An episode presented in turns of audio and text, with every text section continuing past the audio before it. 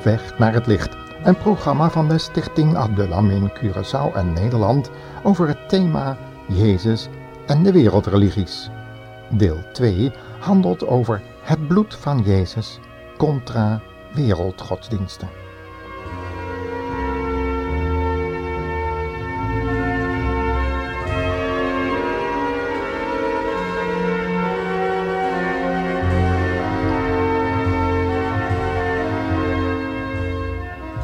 Het gebeurde op een Bijbelstudie.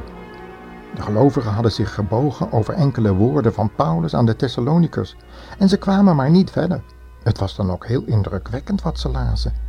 En over hun schouder lezen we even mee. Het was uit 2 Thessalonicenzen 3, vers 1 tot 5. Ze waren al bij vers 1 blijven steken. En waarom eigenlijk? Zo dadelijk zullen we het begrijpen. Maar dan eerst nu die indrukwekkende tekst. Broeders, schrijft Paulus daar, ik vraag u om voor ons te blijven bidden. Bid dat het goede nieuws van de Heere zich snel zal verspreiden en overal zo'n invloed zal hebben dat de mensen hem gaan eren, zoals ook bij u nu het geval is.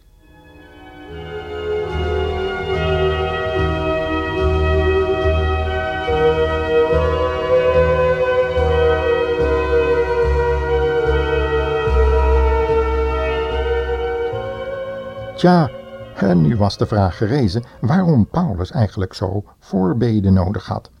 Kon hij zijn evangelisatiearbeid niet alleen met zijn medewerkers af?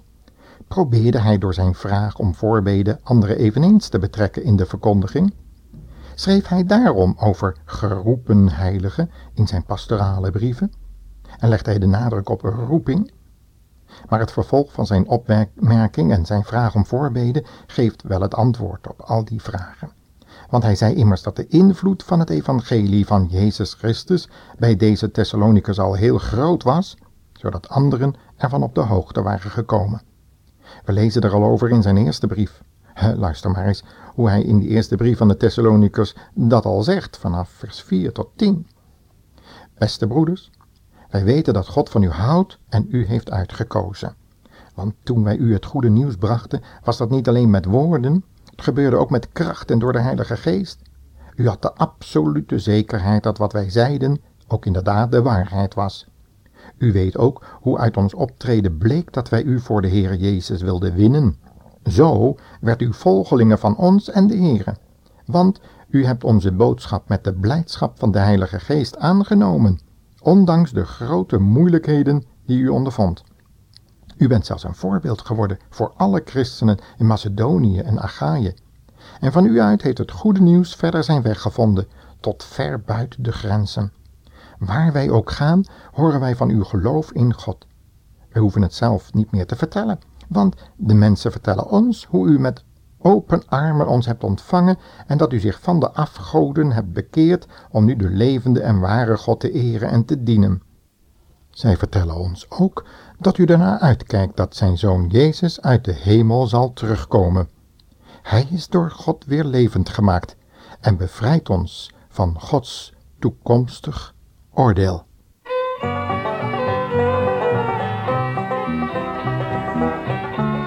Tja, en hoe kom je dan onder zo'n oordeel uit? Waar moet je heen? Deze aard met zonde om me heen, vond ik geen troost en blijdschap meer. Met de verzoeking vocht ik toen alleen. Waar kon ik heen dan naar de Heer? Waar kon ik heen? Waar kon ik heen? Ik zocht naar een toevlucht voor mijn ziel. Ik, ik vond een vriend die altijd bij mij vind. Waar kon ik heen dan naar de Heer? Ja, daar kom je dan niet onderuit. Paulus wil dus evenals de Heer Jezus zelf dat wij getuigen van Jezus Christus zijn. Tot Hem alleen kunnen we heen gaan om verlost te worden van zonde en schuld en onder die geweldige druk van de macht van de zonde eronder uit te komen. En nog veel meer, dat wij, zoals de Thessalonikers, anderen vertellen over de activiteiten van andere evangelisten hen oproepen naar hun boodschap te luisteren, terwijl wij zelf het oude leven achter ons laten. Misschien zelfs de attributen daarvan openlijk verbranden, zoals dat in Handelingen 19 door Lucas wordt beschreven.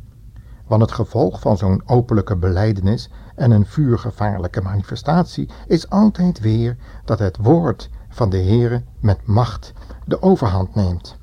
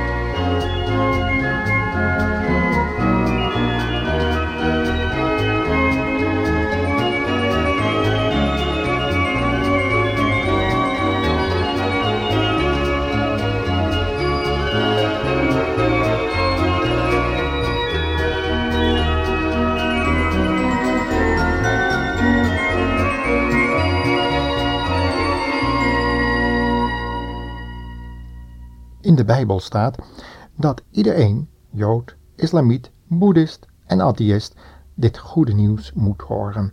Omdat God deze mensheid lief heeft en niet wil dat er iemand verloren gaat. Maar die behoudenis is in niemand anders te vinden dan in Jezus Christus, zegt diezelfde Bijbel.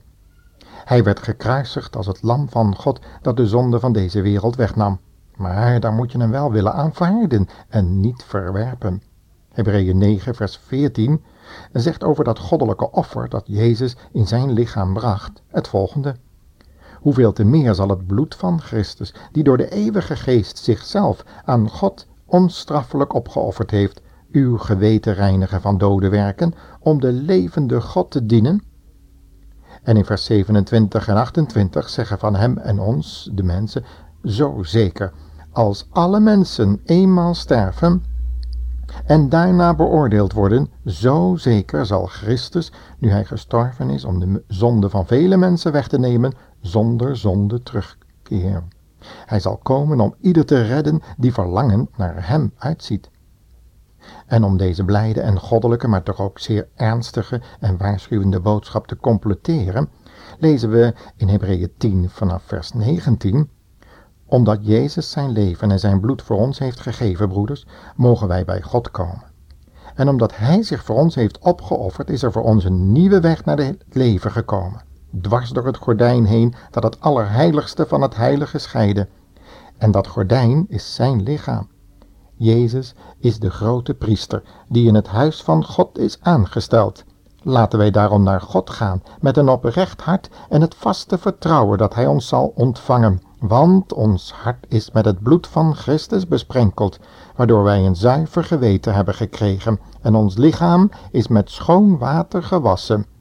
Wij moeten blijven vasthouden aan wat God ons heeft beloofd en andere mensen erover vertellen. Omdat God zich aan zijn woord houdt, zullen wij daarom krijgen wat wij van hem verwachten. Laten we op elkaar letten en elkaar aansporen God en de mensen lief te hebben en altijd goed te doen we moeten ook niet uit onze eigen samenkomsten wegblijven, want sommigen maken daar een gewoonte van. Maar dat is niet goed. We moeten elkaar bemoedigen en waarschuwen, vooral nu wij zien dat het niet lang meer zal duren voor de Heer Jezus terugkomt.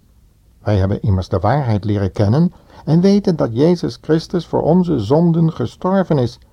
Maar als wij willens en wetens blijven zondigen, is er geen offer meer over om onze zonden weg te doen. Het enige wat ons dan nog te wachten staat, is een vreselijk oordeel, want God zal al zijn tegenstanders in een laaiend vuur verbranden.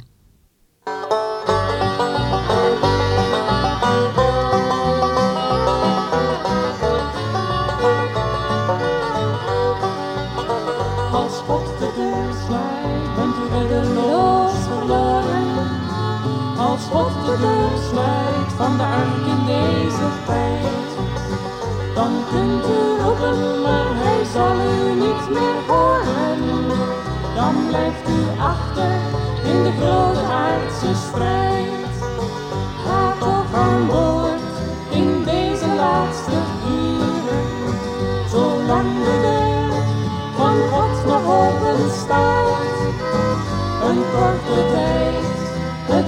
niet lang.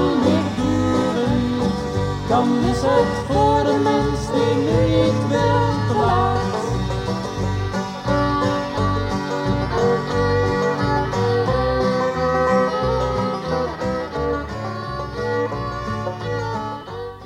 Kun je zulke woorden nou eigenlijk nog wel prediken? Vaak mag je niet eens meer het woordje zonde in je mond nemen.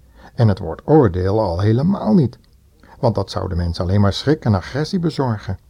Tja, en dan maar blijven kijken naar al die oorlogsfilms, seksuele uitspattingen, hele moordpartijen, allerlei drama's en horrorfilms met draken en voorwereldlijke monsters die de aarde bezetten. Een spelletje? Nou ja, het nieuws laat over Bosnië en Servië en daar in Soudon heel wat anders zien. We worden zo langzamerhand gewend aan oordeel en aan vuur. Mogen we dan niet over dat laaiend vuur spreken waar Petrus de mond van vol had, juist om ons te waarschuwen?